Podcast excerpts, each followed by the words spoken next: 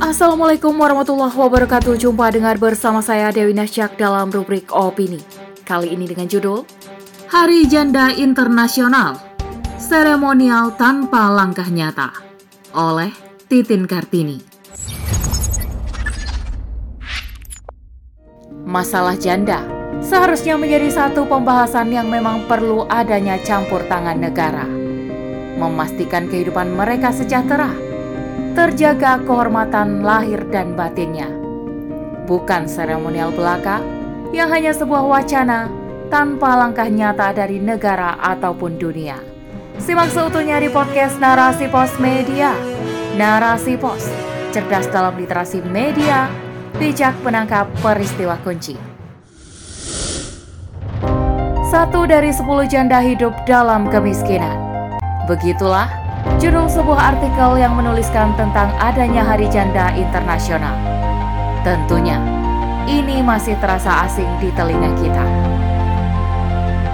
Perayaan Hari Janda Internasional sendiri diselenggarakan pada tahun 2005 untuk pertama kalinya. Baru pada tahun 2010 diajukan ke PBB. Maka pada tahun 2011 Hari Janda Internasional diakui. Tahun ini mengambil tema Sustainable Solution for Windows Financial Independence atau solusi berkelanjutan bagi kemandirian keuangan janda. Dikutip dari laman Perserikatan Bangsa-Bangsa alias PBB, sebanyak lebih dari 258 juta janda di seluruh dunia tak terlihat, tak terdukung, dan berjuang untuk melanjutkan hidup. Jadi, Secara praktis, satu dari sepuluh janda hidup dalam kemiskinan ekstrim. PBB berupaya untuk mendukung kesejahteraan janda yang berasal dari berbagai pihak. Maka PBB memerintahkan tiap negara untuk memastikan pemenuhan hak janda. Hal tersebut tercantum dalam hukum internasional, termasuk konvensi tentang penghapusan segala bentuk diskriminasi terhadap perempuan dan konvensi tentang hak-hak anak. PBB dalam laman resminya menyuruh untuk memastikan pemulihan prioritas kebutuhan para janda dan mendukung masyarakat lebih inklusif, tangguh, dan setara untuk semua. Janda memang selalu menarik untuk dibahas, mulai dari ketangguhan mereka berjuang sendiri untuk diri dan anak-anak hingga stigma negatif yang kerap mereka terima. Baik janda yang ditinggal mati suaminya maupun bercerai hidup selalu menjadi topik menarik di kalangan masyarakat. Jikapun kita bertanya pada mereka, sejatinya tak akan pernah ada seorang wanita bercita-cita menjadi seorang janda. Namun, takdir yang maha kuasa berkehendak lain. Kehidupan mereka yang miris memang tidak bisa dianggap enteng. Ibarat kapal yang telah patah satu sayapnya hingga tertatih-tatih untuk bisa terbang kembali. Adanya kemiskinan yang dialami para janda di seluruh dunia bukan semata karena nasib mereka, namun ini berpangkal pada sistem yang dianut oleh dunia, tak terkecuali Indonesia.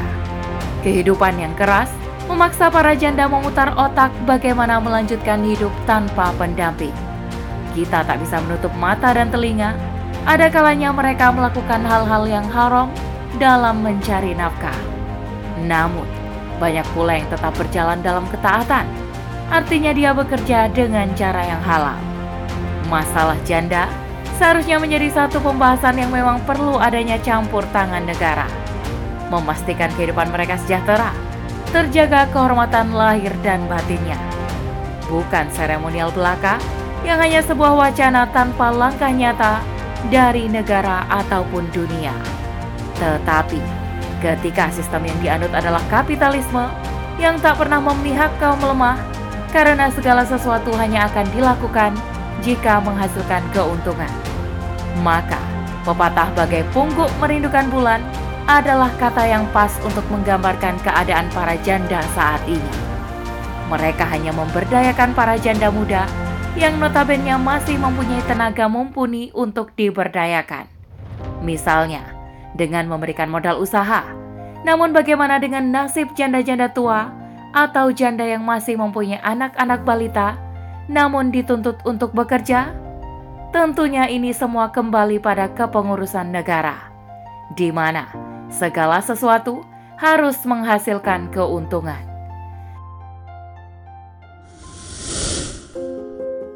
Dalam pandangan Islam, janda mempunyai kedudukan yang sama dengan masyarakat lainnya, hak dan kewajiban yang sama.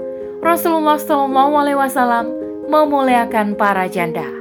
Seperti kita ketahui, istri-istri beliau adalah janda, kecuali Ummul Mukminin Aisyah radhiyallahu anha.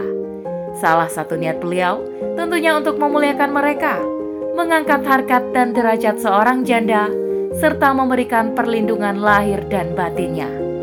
Bukan sebagai pemuas nafsu sahwatnya, apalagi jika janda tersebut ditinggal mati suaminya dan mempunyai anak yatim. Rasulullah Shallallahu Alaihi Wasallam bersabda, kedudukanku dan orang yang menanggung anak yatim di surga, bagaikan beliau merapatkan jari telunjuk dan jari tengahnya, namun beliau renggangkan antara keduanya. Hadis riwayat Bukhari nomor 5304. Khalifah Umar bin Khattab dalam sebuah riwayat pernah melakukan patroli dan mendapati seorang janda dan anak-anak yatim yang kelaparan. Seketika, ia langsung memanggul sendiri gandum dan daging untuk mereka, serta memastikan hari-hari berikutnya mereka dalam keadaan sejahtera. Lain kisah pun tercatat. Khalifah menyuapi seorang janda tua renta yang buta dengan tangannya sendiri. Islam mempunyai aturan akan nafkah untuk para janda, baik berpisah hidup maupun kematian. Untuk janda yang berpisah karena kematian, nafkah dinisbahkan kepada keluarga suami untuk menghidupi anak-anaknya. Namun, jika tidak ada yang mampu dalam keluarga suami, maka negara mengambil alih peran tersebut. Sedangkan janda yang berpisah hidup, mantan suami tetap berkewajiban membiayai hidup anak-anaknya. Jika kewajiban tersebut dilanggar, maka negara akan memberikan sanksi yang tegas. Di sinilah akan terlihat dan terasa kesejahteraan para janda teratasi. Namun, Hal tersebut tak mungkin terlaksana dalam sistem yang bukan berasal dari Sang Pengatur hidup Allah Subhanahu wa taala. Selama aturan Allah dicampakkan, kehidupan mahkota tanpa nahkoda ini akan tetap dalam garis kemiskinan ekstrim. Alhasil, hanya dengan diterapkannya sistem Islam, yaitu khilafah, kesejahteraan, keselamatan dan kehormatan lahir dan batin para janda akan teratasi negara tidak tinggal diam. Pemimpin pun bertindak secepat kilat, menjadi benteng dan garda terdepan untuk seluruh rakyatnya. Para janda akan mulia dalam naungan khilafah karena mereka butuh bukti nyata, bukan seremonial belaka yang hanya sekedar wacana. Wallahu a'lam bisawab. Demikian rubrik opini kali ini sampai bertemu di rubrik opini selanjutnya. Saya Dewi Nasya undur diri. Assalamualaikum warahmatullahi wabarakatuh.